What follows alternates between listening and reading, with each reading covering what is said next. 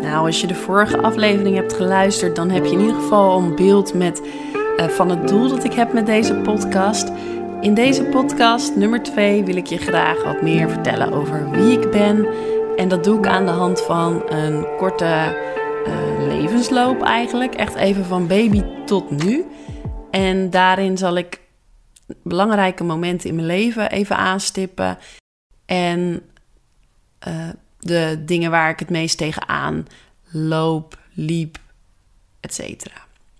Het was 30 juni 1989, de dag dat ik ter wereld kwam. En um, als ik het van mijn ouders mag geloven, was ik als kind een zeer bewegelijk kind. Um, maar ook een kind dat heel gevoelig was en rust en regelmaat nodig had. Ik was eigenlijk een kind van vele uitersten. Uh, op school was ik braaf, luisterde ik goed, deed ik hard mijn best. En thuis was ik de drukte zelf, uh, vloog ik over de tafel, wilde ik naar buiten, veel doen. En hadden mijn ouders best wel af en toe een, uh, nou ja, toch wel een kind aan me, zeg maar. De tijd op de basisschool, uh, nou, die doorliep ik geloof ik wel goed. Maar ik weet wel nog dat ik altijd al mijn best deed en, en hard werkte. Op de middelbare school ging dit verder. Oh ja, en ik was altijd al onzeker. Dat herinner ik me ook. Ik was altijd heel erg bezig met wat vindt de omgeving van me. En ik was me ook heel bewust van de omgeving door mijn, uh, door mijn hooggevoeligheid. Merkte ik altijd heel goed op wat de omgeving, hoe die reageerde op mij. En dat was achteraf gezien toen al uh, het geval. De middelbare school ging die onzekerheid alleen maar omhoog. Als puber weet ik nog dat ik daar zo mee worstelde. En mensen zagen dat niet aan de buitenkant, want ik was altijd stoer en ik deed altijd lekker met alles mee en sportief. En ik stapte veel met mijn vrienden. Dus mensen zouden dat van de buitenkant niet hebben gezien. Maar van binnen was daar een heel onzeker stemmetje altijd. Daarnaast deed ik ook toen weer heel hard mijn best. En ik vond het dan ook heel vervelend dat ik van 3 HAVO, uh, nee sorry, van 3 VWO naar 4 HAVO ging. Um, maar dat was uiteindelijk wel een hele goede stap voor me. Maar ik weet nog dat dat voelde als een enorm falen. Want goh, ik moet dat toch wel kunnen. Na de middelbare schooltijd ging ik naar de ALO, de sportacademie. En hier kon ik dan eindelijk mijn energie lekker kwijt. Ik had een hele leuke leuke tijd. Um, maar ook hier wel weer die onzekerheid. Die heeft me toch al het hele leven. Uh, is dat een, uh, nou ja, een stem in mij geweest. En ik was ook de jongste in, uh, in de klas. Eigenlijk altijd ben ik een van de jongsten geweest. En ondanks dat wilde ik toch alles. Dus ik wilde in Amsterdam gaan wonen. Ik ging altijd mijn grenzen opzoeken, de dingen uitproberen in Amsterdam wonen, ook weer veel op stap. Um, en nog steeds alles perfect willen doen. Dus ik heb de ALO netjes in vier jaar afgerond. In één jaar mijn propenduizen gehaald. Ik deed uh, mijn stages allemaal top. Kreeg een tien voor mijn eindstage. Dat snap ik nog steeds niet helemaal, maar het was echt zo. En uh, nou, ik doorliep het allemaal soepeltjes. Toen in het vierde jaar, dat is echt een memorabel moment geweest. Ik ging gedurende het vierde jaar naar Bali samen met een, uh, met een vriendin. Daar gingen wij een half jaar onze eindstage doen. En daar hebben we, onze minor stage was dat. En daar hebben we gymlessen opgezet bij een, um, ja, een opvanghuis voor um, minder, minder valide kinderen, zeg maar. Met een beperking. En wat ik me nog heel goed herinner van die tijd is twee dingen. Ik, ik miste thuis enorm. Ondanks dat ik altijd die stoere onderzoeker ook was en wilde ontdekken, was ik, had ik echt last van heimwee. En ik heb daar mijn eerste echte spirituele boek gelezen. Mijn jeugd, dat is wel even goed om te weten. En mijn moeder is was ook altijd al bezig met uh, het stuk yoga, meditatie, reiki.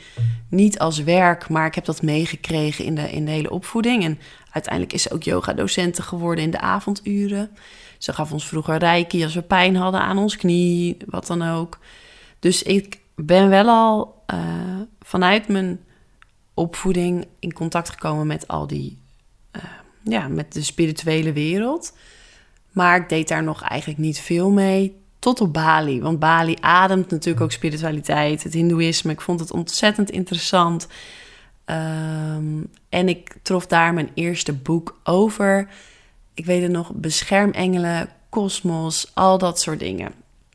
En ik weet nog ook heel goed dat ik, ik was twintig, dus ik was nog wel sceptisch van ja, maar hé, dit, nou ja.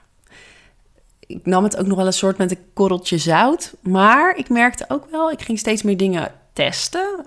Um, dus dingen vragen aan het universum, um, wensen uitspreken, gesprekken met mijn, zo, ja, uh, met mijn beschermengel voeren. En ik merkte toch dat dat me ook wel heel, heel veel bracht.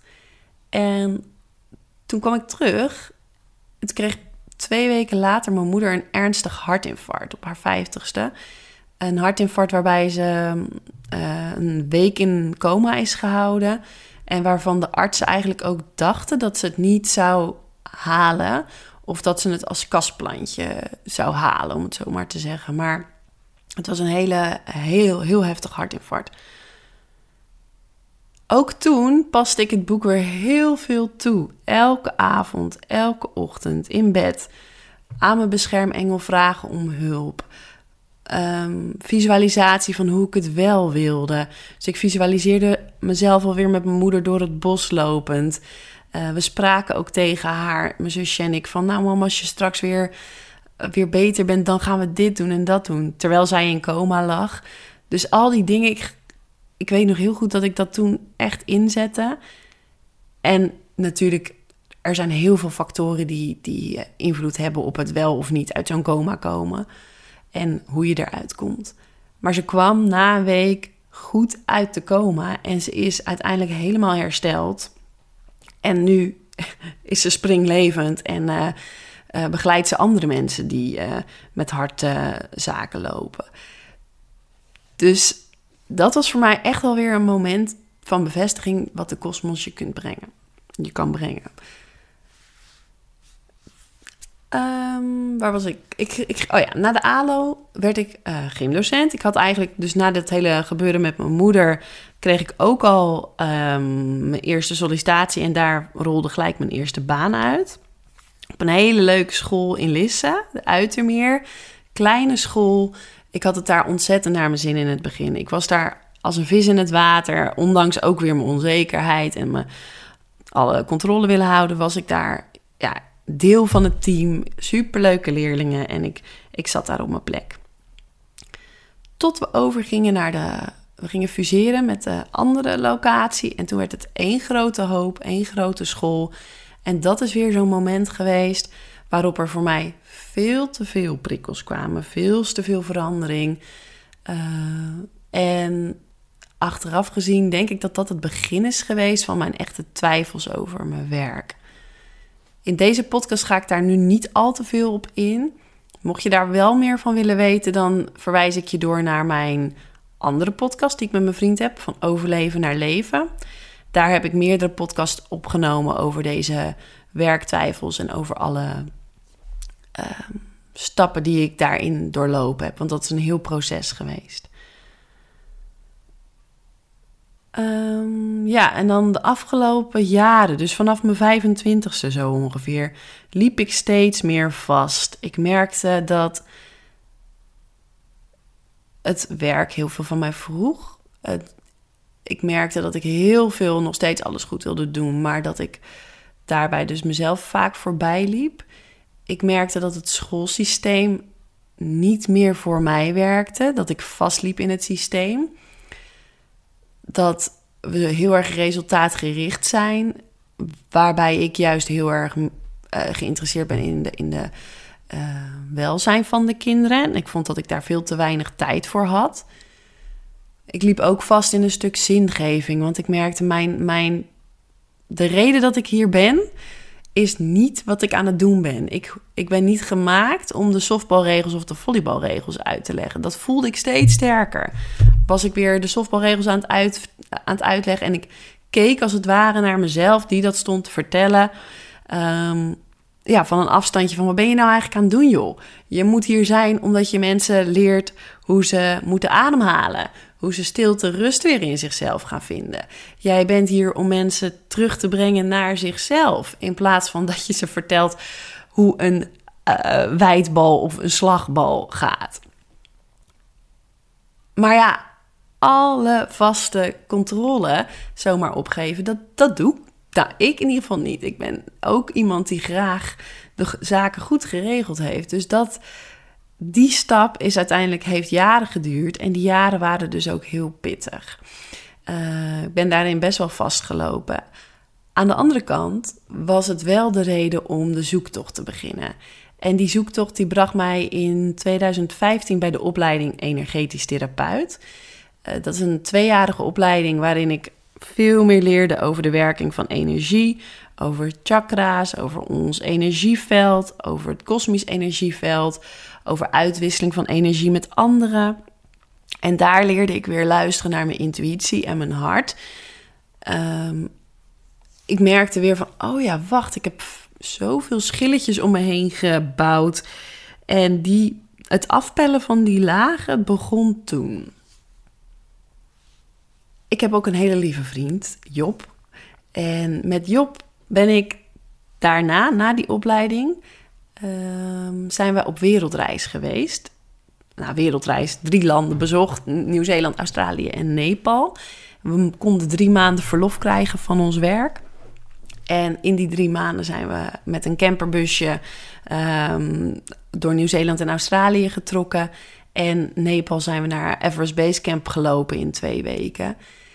En ook die periode in mijn leven, en eigenlijk geldt dat voor ons beiden, zijn levensveranderend geweest. Want daar kwamen we tot inzicht dat wanneer je veel meer bij de natuur bent en veel simpeler leeft, veel meer aangesloten bent op jezelf en op elkaar, dat het leven eigenlijk zo makkelijk is en zo fijn. En dat je dan. Het, leven ging gewoon veel meer vanzelf. En we hadden eigenlijk heel weinig. En we hadden ook heel weinig nodig. En dat was voor ons samen een inzichtpunt van: oké, hoe wij het leven nu leiden en hoe we meedoen met de maatschappelijke ja, situatie of verwachtingen. Gewoon in een huis wonen, allebei uh, vijf, vier dagen werken. Um, straks een groter huis kopen. We kwamen erachter, misschien is dat niet wat wij echt willen. Vervolgens terug gingen we toch terug in onze huidige, of in, in onze toenmalige functie, allebei docent. Gingen we um, wel op verder onderzoek en kwamen er verschillende boeken op ons pad die ons tot inzicht deden komen. Van onder andere Michael Pilarczyk, Leef je mooiste leven. Aanrader. Dat boek uh, deed ons beseffen dat het ook echt anders kan. Als jij weet wat je wil en als je dan de durf hebt en de moed hebt om daarnaar te handelen. Nou, jaren later, we zitten nu in 2021, kan ik je vertellen dat ik ondertussen mijn werk heb opgezegd. Net een paar maanden geleden. Maar dat we nog steeds, um, nou ja, kleine stapjes aan het maken zijn richting ons droomleven. Maar dat is niet van een op de andere dag zomaar gerealiseerd. Voor sommige mensen trouwens wel, die zeggen gewoon hop, ik zeg alles op en ik ga. Maar bij ons, wij zijn gewoon nog ook heel erg zoekende. Goh, wat is dan wel ons droomleven? En daar komen we steeds meer en meer uh, achter en het wordt steeds duidelijker. Dat was even een sprong, want ik wil nog terug naar 2019. Dat was het jaar dat ik zwanger werd. En grappig genoeg twijfelden we daarvoor heel erg van willen we zwanger worden of willen we toch nog weer langer op reis gaan. We hadden een eigen camperbus gekocht. En uiteindelijk heeft het lot besloten, want ik werd zomaar hoep gelijk, uh, gelijk zwanger. En uh, nou, de keuze was gemaakt. Wij gingen voor het gezin. En zo kwam in uh, augustus 2021 onze zoon Wolf ter wereld. En naast dat het me heel, heel veel heeft gebracht en nog steeds brengt en heel veel liefde ervaart voor je kind, moest ik ook gewoon heel erg wennen aan mijn nieuwe rol als moeder en alles dat daarbij komt kijken. Uh, ook hierover heb ik en we meerdere podcasts opgenomen op onze gezamenlijke podcast um, kanaal van overleven naar leven. Ga ik nu niet te lang bij stilstaan.